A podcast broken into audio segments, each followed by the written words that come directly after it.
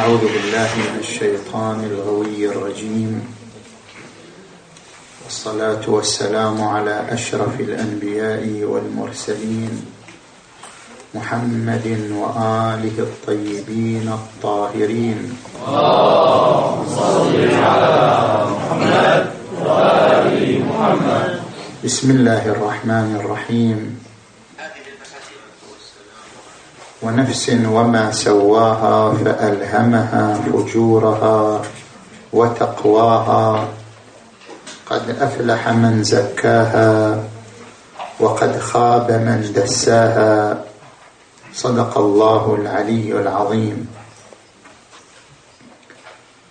انطلاقا من الآية المباركة نتحدث في عدة محاور.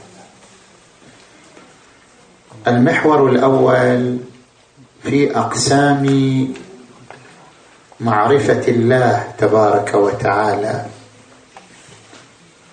معرفة الله تنقسم إلى قسمين معرفة صورية ومعرفة شهودية.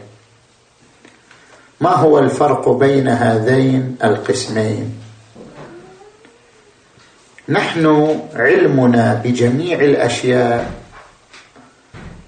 ينقسم إلى نفس هذين القسمين. هناك علم صوري هناك علم شهودي. مثلا علمي بك أنت أخي صديقي. علمي بك ومعرفتي بك معرفة صورية. بمعنى أن لك صورة في ذهني. أنا لا أعرفك إلا عن طريق الصورة. أنت لك صورة ترتسم في ذهني ترتسم في عقلي. فمعرفتي بك عن طريق صورتك التي في ذهني. هذه تسمى معرفة صورية. أما المعرفة الشهودية فأن تشهد نفس الشيء بلا حاجة إلى صورة. مثلا أنا أعلم بمشاعري بلا حاجة إلى صورة بل أرى مشاعري بنفسها. أنا أراك بصورتك فبيني وبينك واسطة وهي الصورة. لكن علمي بمشاعري وعواطفي علم وجداني بلا حاجة إلى صورة.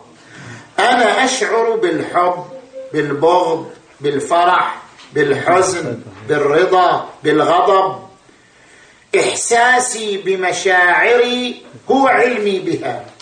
وهذا يسمى علم شهودي. أنا أشهد مشاعري بنفسي بلا حاجة إلى واسطة صورة بيني وبين مشاعري. مثلا مثال أوضح. علمك بأمك غير علمك بحنان أمك. أنت تعلم بأمك لكن علم صوري. يعني أمك لها صورة في ذهنك. متى ما قلت أمي جاءت تلك الصورة التي لأمك في ذهنك. هذه تسمى معرفة صورية. أما علمك بحنان أمك فهو علم شهودي. أنت تشعر بحنان أمك شعورا وجدانيا بلا حاجة إلى صورة. أنت ترى أن حنان أمك منغرس في قلبك منغرس في وجدانك بلا حاجة إلى صورة. فإذا معرفتي بأمي غير معرفتي بحنان أمي وحبها معرفتي بأمي معرفة تحتاج إلى صورة. أما معرفتي بحنان أمي فلا تحتاج إلى صورة. حنانها حبها اعيشه وجدانا وإحساسا. كيف معرفتنا بالله؟ هل معرفتنا بالله معرفة صورية؟ يعني الله له صورة في أذهاننا. إذا قيل الله جاءت صورة في أذهاننا إلى الله عز وجل. ان أن معرفتنا بالله معرفة شهودية؟ أي أننا نشعر بالله شعورا وجدانيا. كل إنسان منا له هذان النوعان من المعرفة. هو يعرف الله معرفة صورية وهو يعرف الله معرفة شهودية. كل إنسان حتى الملحد. كل إنسان يعرف الله بكلتا المعرفتين. المعرفة الصورية المعرفة الشهودية. إلا أن هذا الإنسان المسكين غافل عن هذه المعرفة الشهودية المتمركزة المتأصلة في ذاته وفي وجدانه. كيف يكون ذلك؟ كيف يكون للإنسان معرفة شهودية بالله تبارك وتعالى؟ نجي إلى المحور الثاني. كانت فيلسوف الألماني المعروف له كتاب نقد العقل المجرد. كانت في كتابه يذكر أن علماء الدين استدلوا على وجود الله بعضهم استدل على وجود الله بالبرهان الفلسفي كل مسبب يدل على وجود سبب. بعضهم استدل على وجود الله ببرهان النظم رأى الكون نظاما دقيقا فاستدل بالنظام الدقيق على وجود المنظم. يقول أنا عندي دليل ثالث على وجود الله. لا البرهان الفلسفي لا برهان النظم. أنا عندي دليل ثالث على وجود الله. البرهان الأخلاقي البرهان القيمي. ما معنى هذا البرهان القيمي والأخلاقي؟ يقول كل شركة تضع علامة تجارية على منتجاتها. كل شركة عندها منتجات تضع علامة تجارية ماركة مسجلة على منتجاتها. حتى إذا وجدنا هذا المنتج قلنا هذا من الشركة الفلانية هذا من المؤسسة الفلانية. كل شركة تضع علامة على منتجاتها. الله أيضا وضع علامة على منتجاته. الله خلق المخلوقين جميعا ووضع في كل مخلوق بصمة. ووضع في كل موجود علامة تجاريه ووضع في كل إنسان بصمة وعلامة تدل عليه. ما هي تلك البصمة والعلامة التي وضعها الله في كل موجود في كل مخلوق؟ وإن من شيء إلا يسبح بحمده ولكن لا تفقهون تسبيحهم. ما هي تلك العلامة في الإنسان؟ زرع في فطرته ميله إليه. كل إنسان يعيش في فطرته ميل وجداني ليس صورة ميل وجداني نحو الخير المطلق الجمال المطلق الكمال المطلق. كل إنسان هكذا. حتى الإنسان الملحد هو ما يسمي هذا الله. قل أنا لا أؤمن بوجود إله بل لكن هو يرى في نفسه ميلا نحو الجمال الذي لا حد له. ميلا نحو الكمال الذي لا حد له. هذا الميل الوجداني نحو الجمال الذي لا حد له نحو الكمال الذي لا منتهى له. هو ميل نحو الله. هو العلامة والبصمة التي وضعها الله في نفس كل إنسان في نفس كل موجود. إن الإنسان لربه لكنود وإنه على ذلك لشهيد وإنه لحب الخير لشديد. حب الخير الخير هو الله. الخير المطلق هو الله. لاحظوا الإنسان كلما وصل إلى درجة من الكمال يرغب في درجة أعلى. يحصل على كمال في الأموال يرغب في درجة أعلى. يحصل على كمال في العلم يرغب في درجة أعلى. يحصل على كمال مثلا في الجسم يطلب درجة أعلى.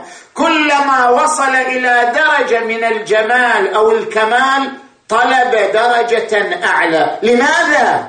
لأنه يعيش في داخله ايمانا بأن هناك جمال مطلق. لأنه يعيش في داخله ميلا أن هناك كمال مطلق. لذلك كلما وصل إلى درجة يقول لا هناك درجة أعلى منها. هذا الميل نحو الكمال المطلق هو دليل قيمي على وجود كمال مطلق. هو برهان أخلاقي على وجود كمال وجمال مطلق. فأقم وجهك للدين حنيفا فطرة الله التي فطر الناس عليها. ما هي هذه الفطرة؟ هي الميل الوجداني نحو الكمال والجمال المطلق الذي يشعر به كل إنسان. نجي إلى المحور الثالث. هذا الميل نحو الكمال المطلق هو المعرفة الشهودية بالله. أنا أعرف الله من الداخل. معرفة وجدانية شهودية وهي عبارة عن نزوعي وميلي لقوة لكمال لجمال لا أستطيع تحديده وهو الله تبارك وتعالى. هذه عبر عنها القرآن الكريم الله نور السماوات هو زرع نوره في كل شيء. الله نور السماوات والأرض. لا يوجد شيء في السماوات أو في الأرض إلا وفيه قسط من نوره. إلا وفيه بصمة له. الله نور السماوات والأرض. مثل نوره كمشكاة فيها مصباح. المصباح في زجاجة. الزجاجة كأنها كوكب دري. يوقد من شجرة مباركة زيتونة لا شرقية ولا غربية يكاد زيتها يضيء. ولو لم تمسسه نار نور على نور يهدي الله لنوره من يشاء. هذا النور الموجود في قلوبنا الذي زرعه الله في نفس كل إنسان هو المعرفة الشهودية لله تبارك وتعالى. هذه المعرفة الشهودية لله كيف نصل إليها؟ نحن نريد أن نتحدث عن هذه النقطة. في قلوبنا نور الله. في قلوبنا ميل نحو الله. كيف نصل إلى هذا النور؟ كيف نستطيع تأجيج هذا النور؟ كيف نستطيع تكميل هذا النور؟ كيف نصل إليه؟ هذه الشعلة الصغيرة. شعلة صغيرة في قلوبنا. كل واحد في قلبه شعلة من النور بسيطة ضئيلة. كيف نؤجج هذه الشعلة ونحولها إلى نور أتم؟ هذا هو المطلوب الذي نريد أن نصل إليه. تأجيج ذلك النور في قلوبنا. حتى نكون مصداقا لقوله تعالى يهدي الله لنوره من يشاء.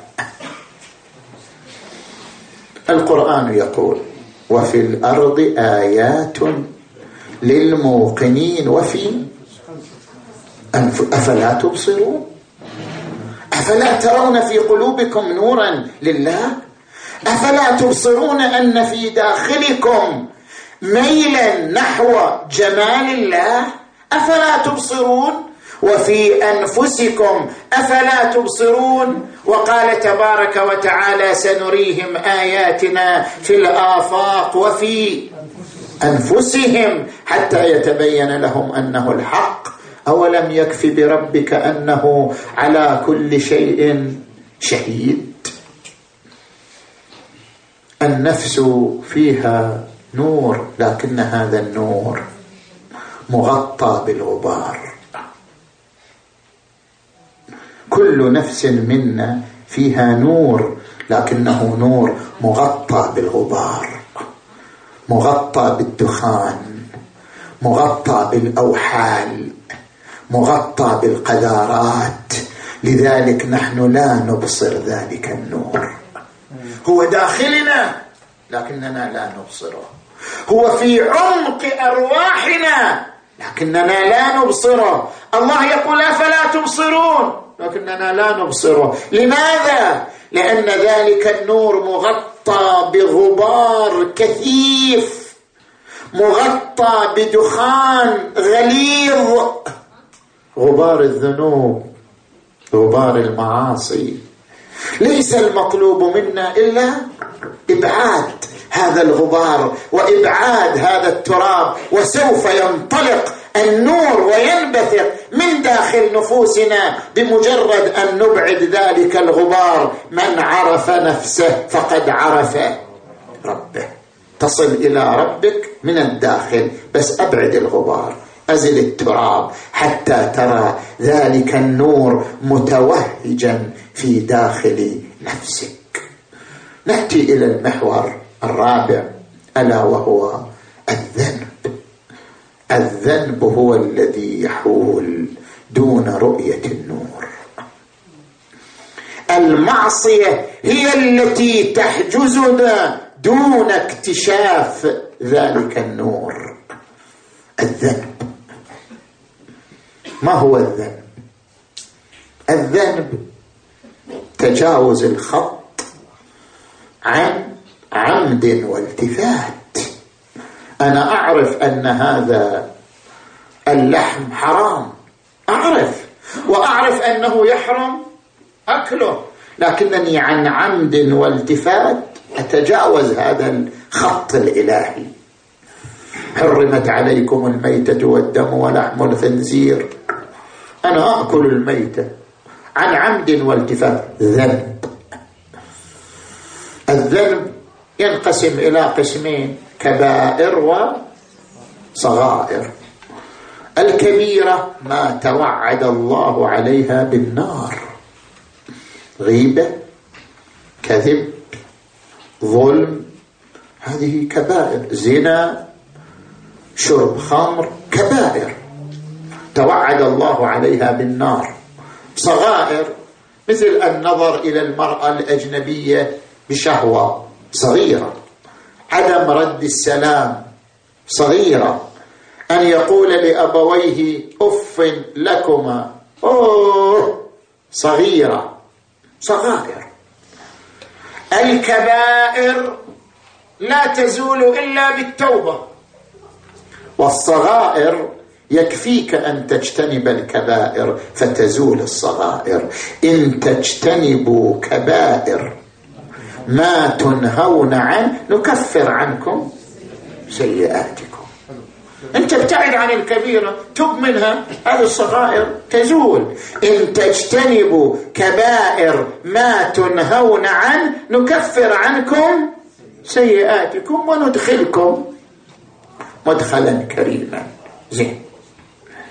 نجي الآن إلى آثار الذنوب. ما هي الآثار الوخيمة الخطيرة للذنوب التي تشكل غبارا يمنعنا من رؤية النور الإلهي يمنعنا من الاستقاء من النور الإلهي الموجود في أنفسنا. الأثر الأول بعض الذنوب يمنع من التوبة. تريد تتوب بس هذا الذنب يمنعك من التوبة. ظلم الناس.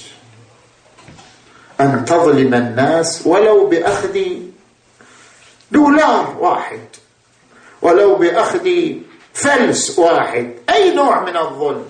ظلم الناس ذنب يحجب أثر التوبة. ورد في الحديث عن الإمام أمير المؤمنين علي عليه السلام الظلم ثلاثة. ظلم لا يغفر. وهو الشرك بالله. إن الله لا يغفر أن يشرك به. يعني معناه إذا مات الإنسان وهو مشرك هذا المقصود.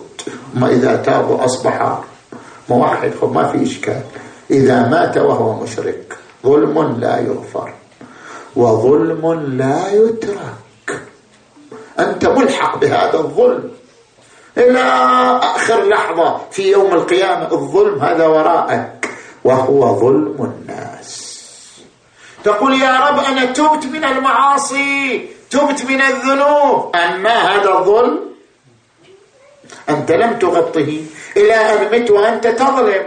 هذا الظلم يلحقك. ظلم لا يترك.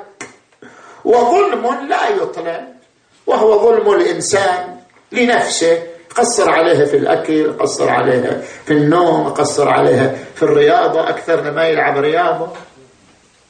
ظلم لا يطلب إذا هناك بعض الذنوب تحجب التوبة. هذا الأثر الأول.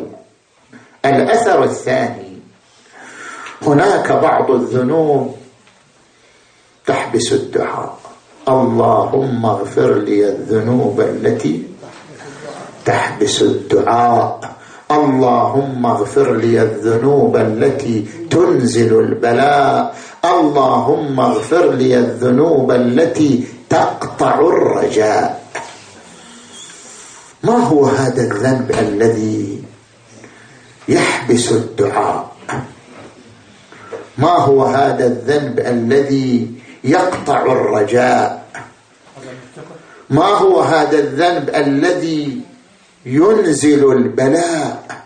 ما هو هذا الذنب؟ ورد في الحديث الشريف إشاعة الفاحشة عندما تشيع الفاحشة عن الناس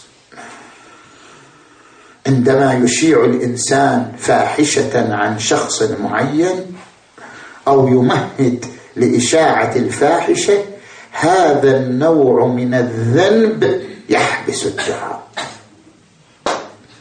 بل قد ينزل البلاء. بل قد يوصل الإنسان إلى اليأس من حيث أنه يقطع الرجاء.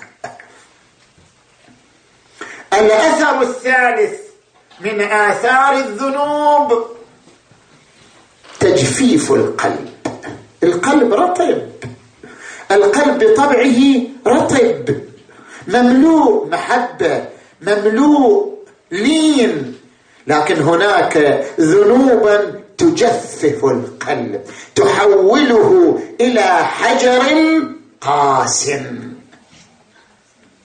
لاحظوا ما ورد عن الإمام الصادق عليه السلام. إذا أذنب العبد خرجت في قلبه نكتة سوداء نكتة. فإن تاب انمحت وإن عاد عادت. حتى تغلب على قلبه فلا يفلح بعدها أبدا. ترادف الذنوب ذنب بعد ذنب. كل يوم ذنب كل يوم معصية. ترادف الذنوب على بعضها يحول القلب إلى قطعة مظلمة قطعة سوداء لا حياة فيها لا نبض فيها. الإصرار على المعصية يجعل القلب أسود وذلك قوله تعالى كلا بل ران على قلوبهم ما كانوا يكسبون. الرين هو الفحم الأسود الذي يغلف القلب. كلا بل ران على قلوبهم ما كانوا يكسبون. ويصبح القلب قاسيا. أكثرنا يعيش هذه المشكلة. قلب قاسي. مو قلب قاسي بمعنى أنه يذبح الناس ويقتل الناس لا. القلب القاسي هو الذي لا يلتذ بعبادة الله. هذا قلب قاسي. انت جرب نفسك إذا صليت؟ هل تشعر بلذة في الصلاة؟ أم لا؟ من لا يشعر بلذة للصلاة فإنه يعيش مرض؟ قساوة القلب.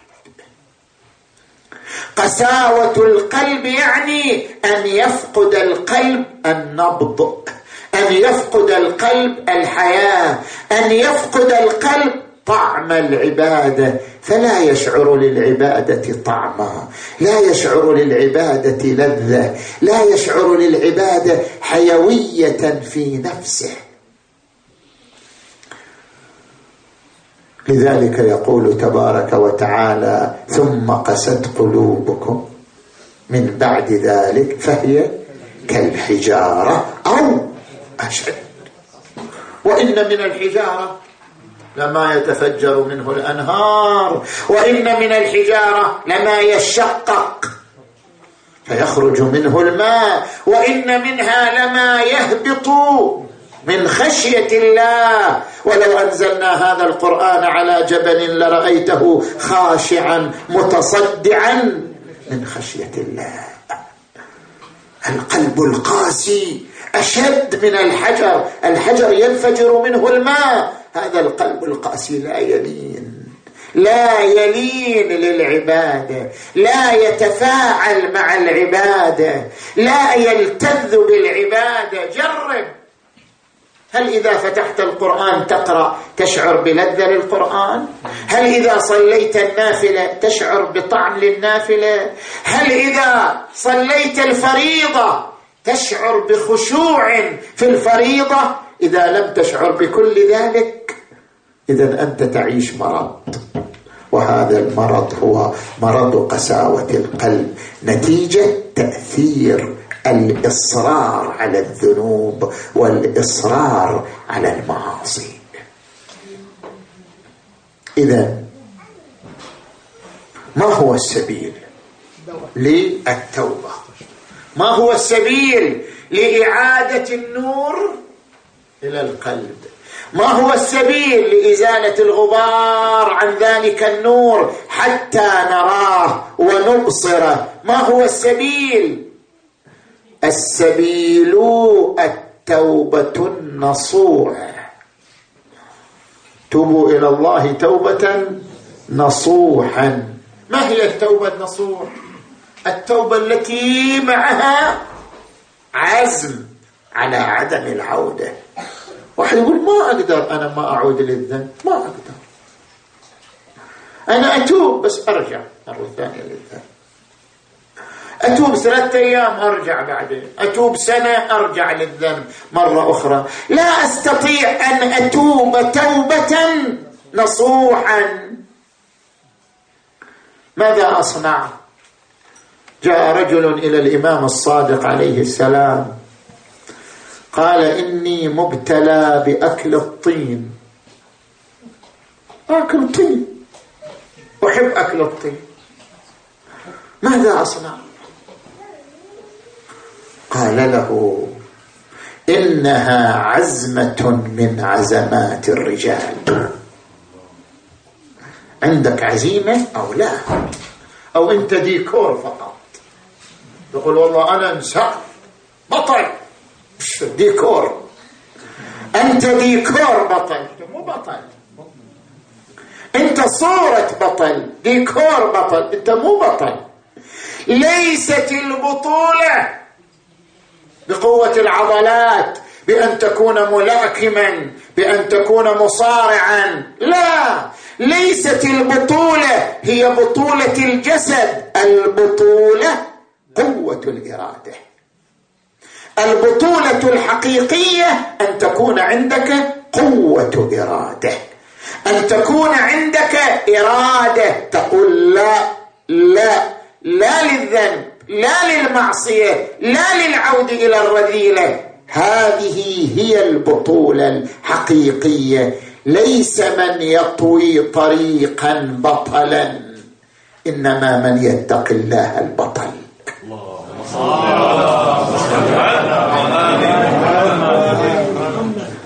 البطوله تكمن في قوة الإرادة. الإمام الصادق ما طول هوية منا من عزمة من عزمات الرجال. يعني إذا عندك بطولة خلاص. يعني بطولتك وين تطلعها؟ طلعها بس على الأوادم؟ بطولة تطلعها مع نفسك. بدل أن تكون بطل على الناس كن بطلا على نفسك على داخلك. عزمة من عزمات الرجال. كن قوي الإرادة حتى تدرك فعلا أنك بطل بطولة حقيقية. فأما من طغى وآثر الحياة الدنيا فإن الجحيم هي المأوى. وأما من خاف مقام ربه ونهى النفس هنا الإرادة نهى النفس عن الهوى فإن الجنة هي المأوى. لكن لو قال شخص ماذا نصنع؟ إحنا ضعفاء. نحن ضعفاء أمام أنفسنا أمام شهواتنا أمام غرائزنا. نتوب ونعود. ماذا نصنع؟ لم نوفق للتوبة النصوح. ماذا نصنع؟ مع ذلك لك أمل. الله تبارك وتعالى يقول يا عبادي الذين أسرفوا على أنفسهم. لا تقنطوا من رحمة الله. إن الله يغفر الذنوب جميعا. إنه هو الغفور الرحيم. وقال في آية أخرى كتب ربكم على نفسه الرحمة. عهد أخذه على نفسه. عهد. لا يخلف الله عهده. كتب ربكم على نفسه الرحمة أنه من عمل سوءا بجهالة ثم تاب من بعده وأصلح فإنه غفور رحيم. ربما يقول الإنسان طيب نتوب ونعود صارت التوبة مسخرة هذه. نتوب نرد نرجع نتوب نرد نرجع. هذه صارت سخرية. هذه التوبة توبة توبة سخرية. لأننا نعرف أننا نتوب كم يوم وبعدين نرجع. لا تفقد الأمل. لا تكن يائسا. ورد عن الإمام الصادق عليه السلام لو لم تذنبوا فتستغفروا لخلق الله خلقا يذنبون فيستغفرون فيغفر لهم. إن المؤمن مفتن تواب. لا تفقد الأمل. لماذا؟ لأنك في كل مرة تذنب فتتوب. يعني فتندم. يعني ينكسر قلبك. تقول أنا لماذا أصر على الذنوب؟ إلى متى أنا مع الذنوب؟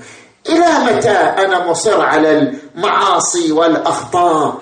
كلما فعلت الذنب تندم تتأسف. نفسك من الداخل تشمئز من الاستمرار في الذنب.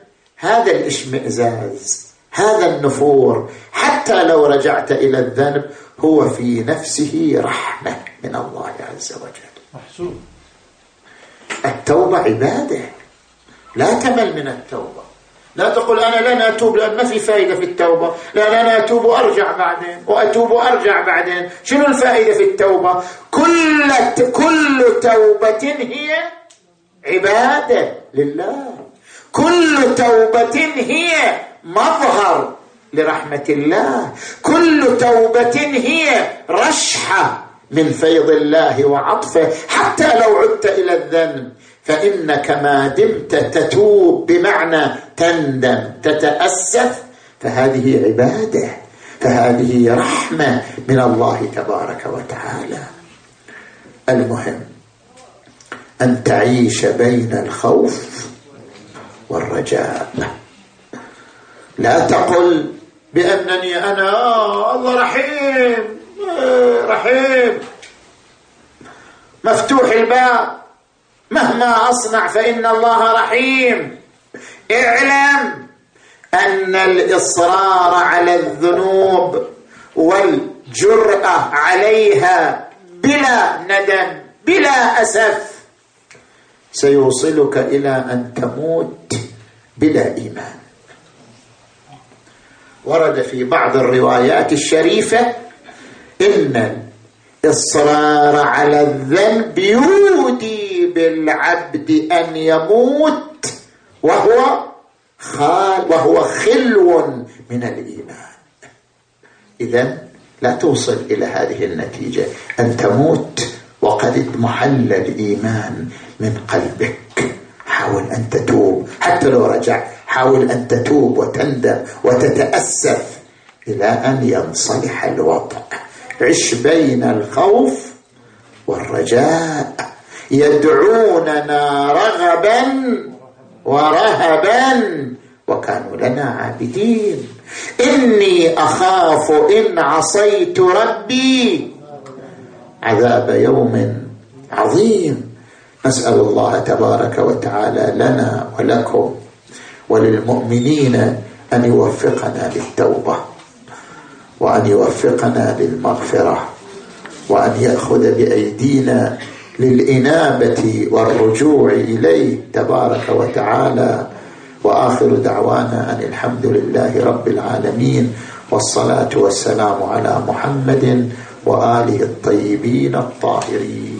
اللهم صل على محمد وآل محمد سيدنا ان شاء الله ربنا يعافيكم هلا طبعا إيه خلي عندك معلش اذا حدا عنده استيضاح بحب يوسع شيء تفضل حاج بسام لو سمحت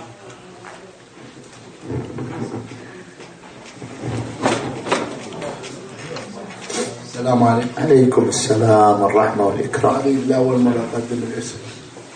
الاسم حسين الحارس من مدينة النجف أهلا وسهلا. السلام عليكم. عليكم السلام.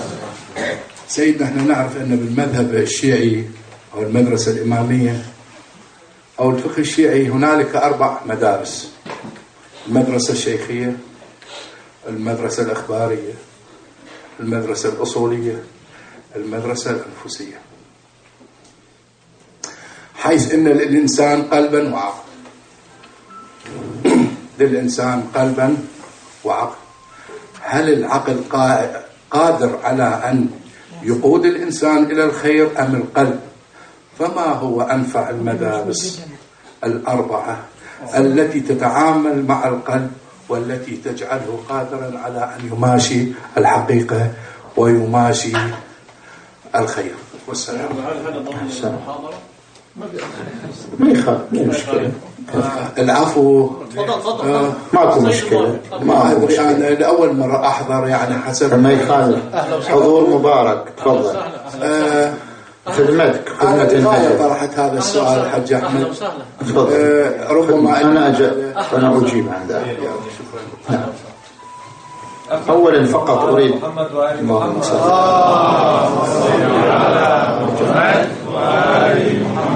أنا فقط أريد أن ألفت النظر إلى أنه المدارس هذه مدارس فكرية.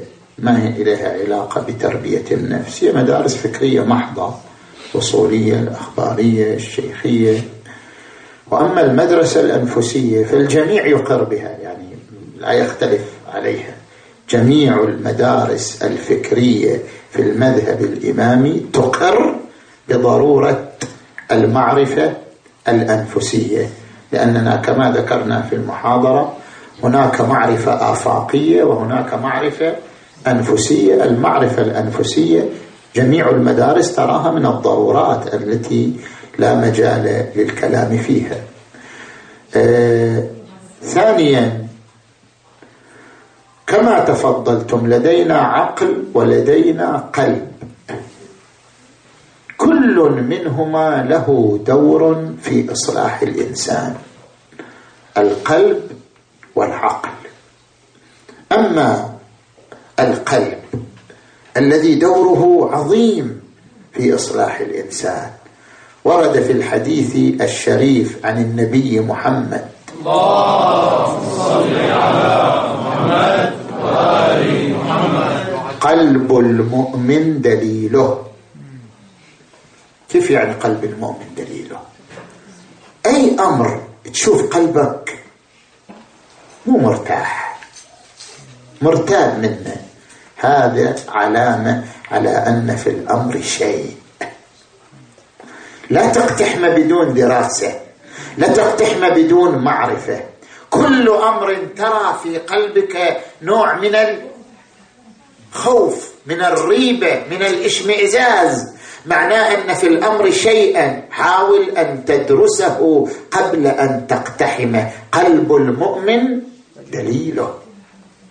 إذا القلب له دور في تنبيه الإنسان وفي إيقاظ الإنسان على خطر الأعمال وعلى جسامة الأعمال. والدور الثاني دور العقل. العقل يقول لك هناك خط مستقيم كما قرأنا الآية ونفس وما سواها فألهمها فجورها وتقواها.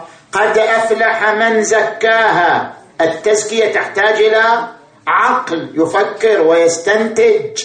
وقد خاب من دساها. هذه النقطة أردت المحاضرة أشير إليها نسيت. لما جاء إلى الإصلاح عبر عنه تزكية لكن لما جاء إلى المعاصي عبر عنه بأنها دس. الدس يعني شنو؟ الدس يعني الغش. يعني أنت قاعد تغش النفس. الإنسان عندما يذنب فهو يغش نفسه. شلون أنت؟ هل ترضى أن يغشك أحد؟ واحد يغشك يلعب عليك. واحد يلعب بك يغشك. يبيعك سلعة ها؟ يبيعك سلعة غير صالحة. ويأخذ أموالا. تعتبره غش. إنسان مثلا يلعب في الامتحان. امتحان الجامعة. يعبر عنه بأنه شنو؟ غش. لا أحد يرضى بالغش. الغش أمر مقيت أمر مبغوض. الإنسان عندما يذنب فهو يغش نفسه لأنه يعرضها للخطر مع أنها أغلى شيء عنده. أغلى شيء عندنا أنفسنا. فكيف نعرض هذا الغالي لخطر المعصية ولخطر الذنب؟ هذا غش دس قد أفلح من زكاها وقد خاب من دساها. التزكية والدس والفرق بينهما بالعقل. فبشر عبادي الذين يستمعون القول فيتبعون أحسنه أولئك الذين هداهم الله وأولئك هم أولو الألباب. تفضل حاج تفضل. أعطيك الميكروفون السلام عليكم. عليكم السلام والرحمة سهرة مباركة إن شاء الله. أهلا وسهلا. مولانا الذين أخذناك في بيت الحاج نصر. والله أنا كنت جاي من السفر. آه سفر مبارك. إن شاء الله تفضل. الذين يعملون السوء بجهالة. هي جهالة أنه هذا سوء أم أن نفس عمل السوء هو جهالة؟ أحسن. الجهالة غير الجهل. الجهالة فرق بين الجهالة والجهل. الجهالة هي السفاهة وليس الجهالة بمعنى عدم العلم. الجهل هو عدم العلم أما الجهالة سفاهة فتارة الإنسان يصنع الذنب عن جهل ما يدري صنع الذنب هذا معذور. وتارة يصنع الذنب بجهالة يعني بسفاهة. يقولون هذا فلان سفيه يعني ما يتروى. ما يتأنى السفيه هو الذي لا يتروى ولا يتأنى في الأمور. الإنسان عندما يفعل الذنب فقد ارتكب سفاهة. الذين ي... للذين يعملون السوء بجهالة يعني بسفاهة. نعم.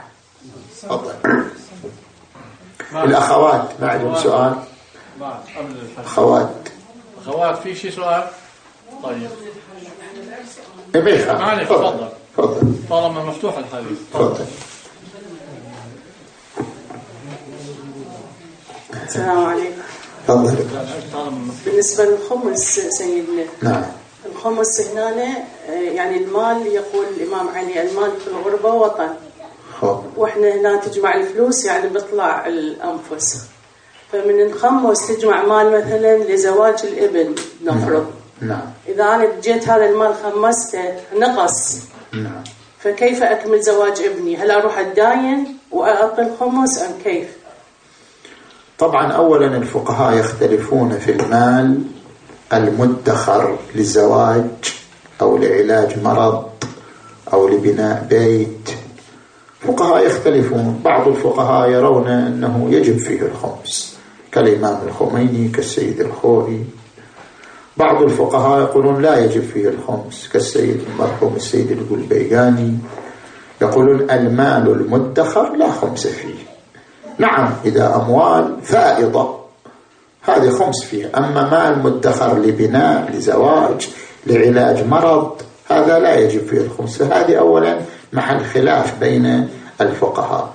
ثانيا على فرض أن الإنسان يقلد فقيه هو يرى وجوب الخمس في المال المدخر. في طرق مو لازم يتدين. نفس الفقيه يخلي الخمس دين. يعني الآن مثلا عندي عشرة آلاف دولار خمسها ألفا دولار وأنا محتاج إلى العشرة يقول للفقيه إذا حولت الألف دولار دينا عليك. متى ما استطعت أن تؤدي ولو بعد عشر سنين ولو بعد عشرين سنة. فيحول الخمس دينا والإنسان يصرف الأمال حينئذ ويبقى الخمس دينا إلى أن يتمكن من أدائه. نعم تفضل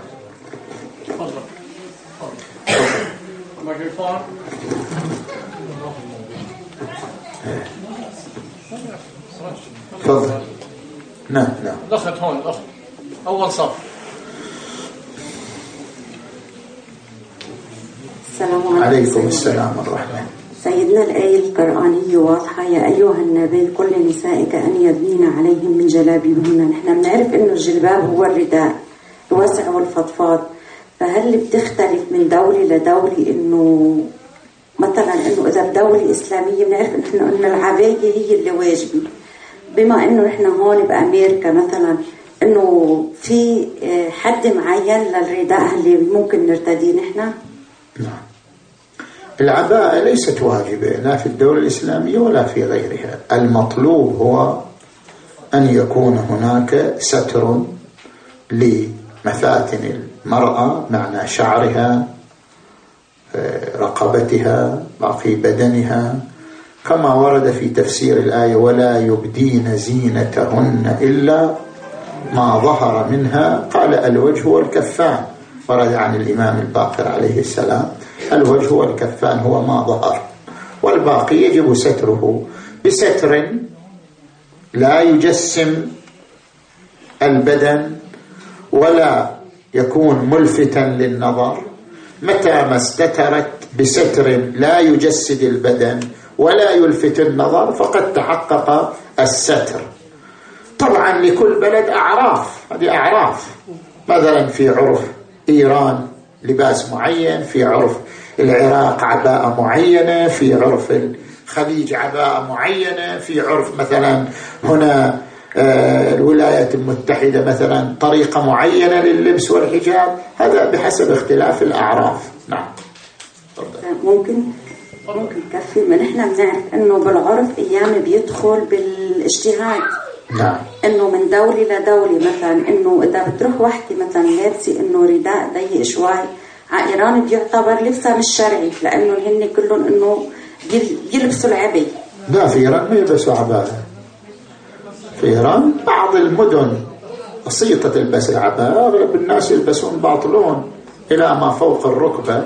هذا الأغلب لبس العباءة نعم في العراق صح. في العراق نعم العرف المشهور هو لبس العباءة في الخليج كذلك لبس العباءة نعم.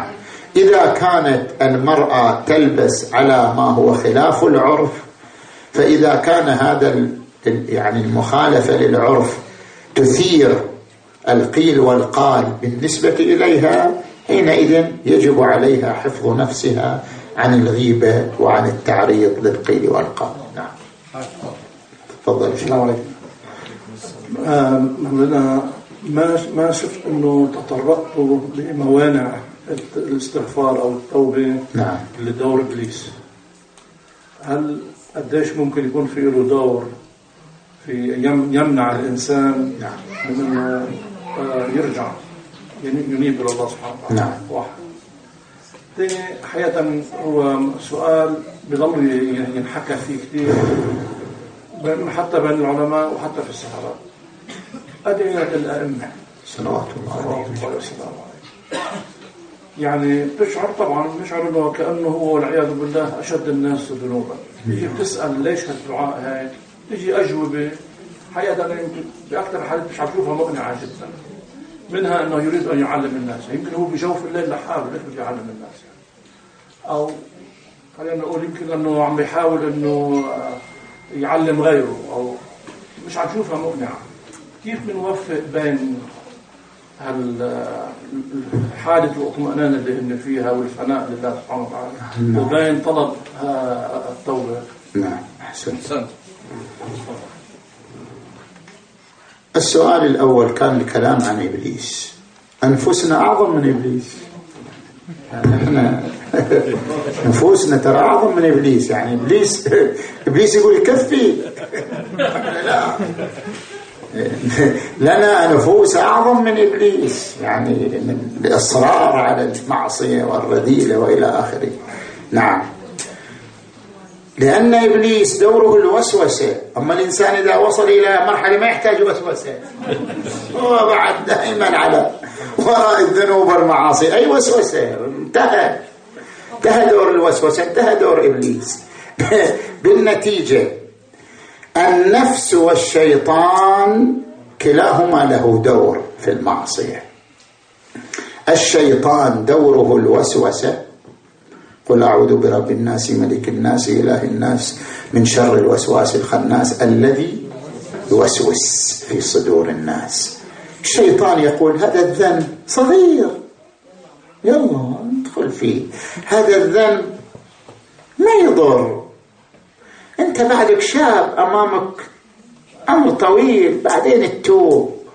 آه قبل كم ليلة بعض الأخوات جاءت آه تلتقي بنا وتتكلم قالت أنا غير محجبة إن شاء الله بعد أربع سنين أحج وأتحجب. زين؟ فهذا وسوسة من الشيطان. يعني ماكو داعي بعد وقت بعدين وهكذا. هذه وسوسة. أما بعد وسوسة الشيطان يأتي دور النفس وهو أعظم. إن النفس لأمارة بالسوء.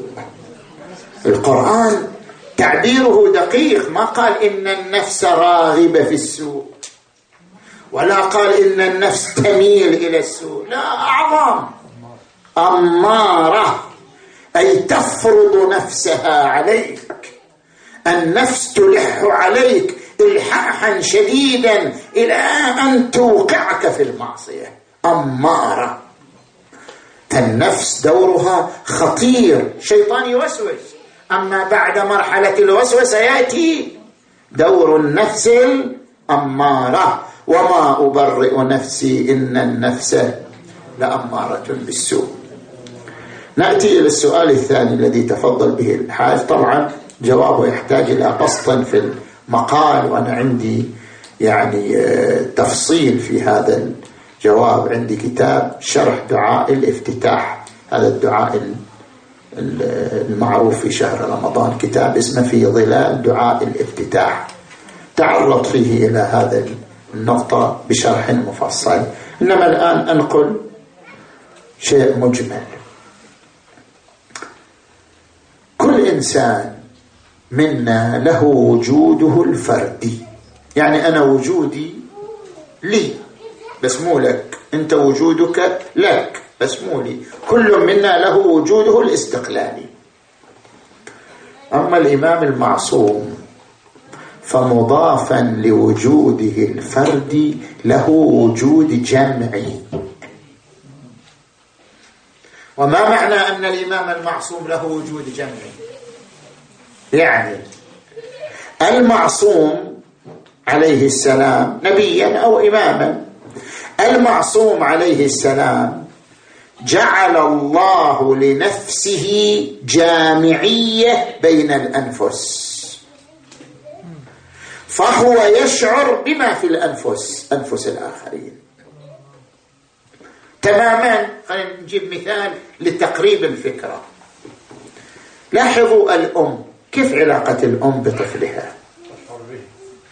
الأم تشعر بطفلها قبل أن يشعر بنفسه.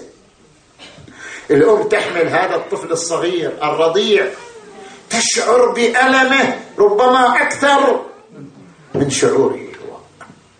تشعر بألمه تشعر شوفها دائما مضطربة دائما قلقة لأنها تشعر بما في نفس الطفل أكثر من شعوره بنفسه. إذا الأم لها شعور جمعي. الشعور بألم الآخر يسمى شعورا جمعيا. الإنسان الذي يشعر بآلام الناس ومآسيهم هذا الإنسان له وجود جمعي.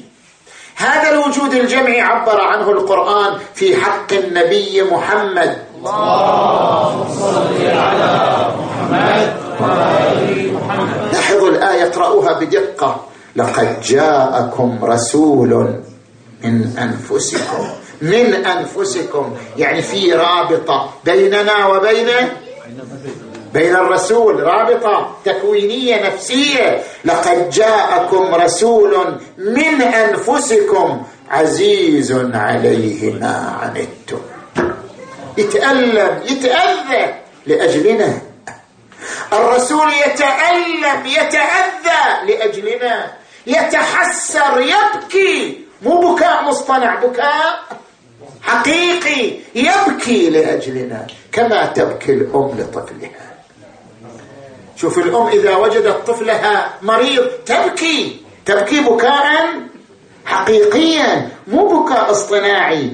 الرسول يبكي علينا أشد من بكاء الأم على أطفالها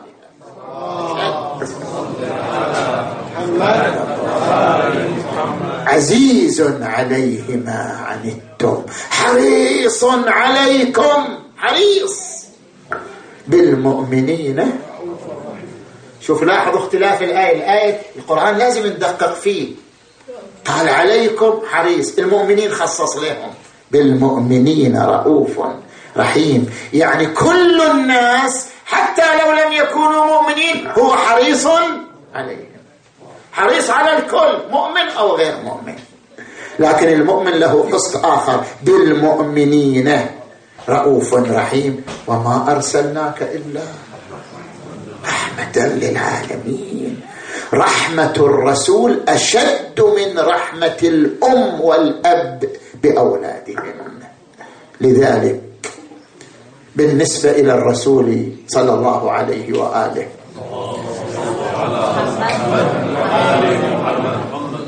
الرسول يقف بين يدي ربه ويبكي. يبكي مو من ذنبه من ذنوبنا. يشعر أن ذنوبنا ذنبه. أخطاءنا خطأه. إلى هذه الدرجة من الرحمة. إلى هذه الدرجة من الوجود الجمعي. يبكي يبكي يبكي. لأنه يشعر بلسعة ذنوبنا. كأنها تلسع. وهي ذنوبنا وأخطاؤنا. لذلك أنتم تقرؤون في زيارة الجامعة الواردة عن الإمام الهادي عليه السلام إشارة إلى هذه النقطة الوجود الجمعي للإمام المعصوم. أنفسكم في النفوس أرواحكم في الأرواح آثاركم في الآثار. ما معنى أنفسكم في النفوس؟ شنو معنى أرواحكم في الأرواح؟ شنو معنى أنفسكم في النفوس؟ يعني لأنفسكم إحاطة جمعية بالنفوس. لأرواحكم إحاطة جمعية بالأرواح. لذلك القرآن الكريم يقول النبي أولى. ليش أولى بنا من أنفسنا؟ لأننا بيننا وبينه رابطة تكوينية. النبي أولى بالمؤمنين من أنفسهم. هذا الذي أردت. أن أبينه فأنتم صلوا على محمد وآل محمد.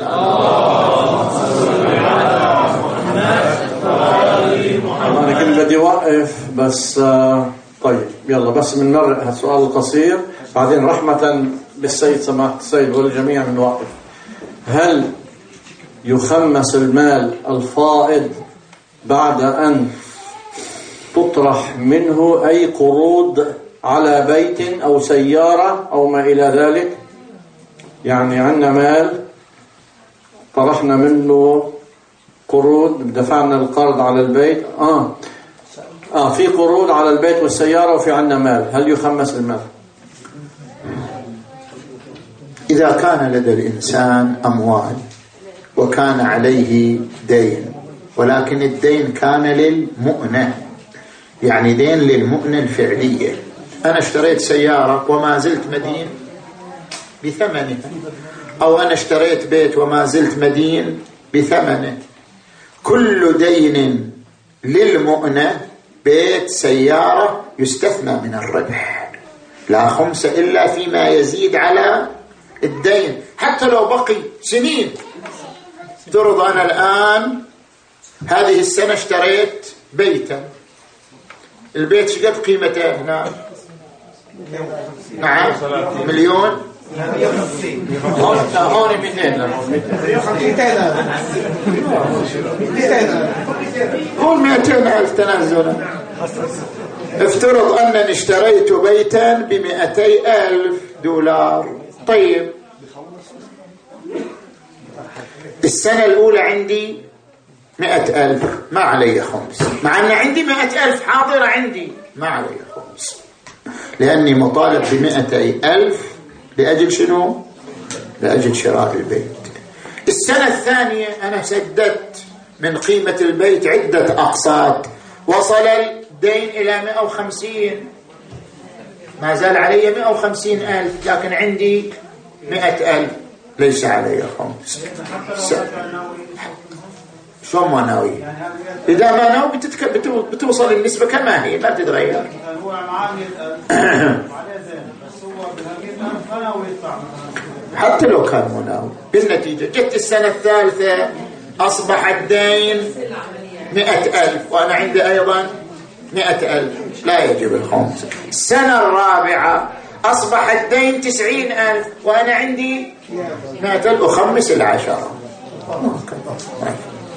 شكرا سماحة السيد. صلوا على محمد وآل محمد. اللهم صل على محمد وآل محمد.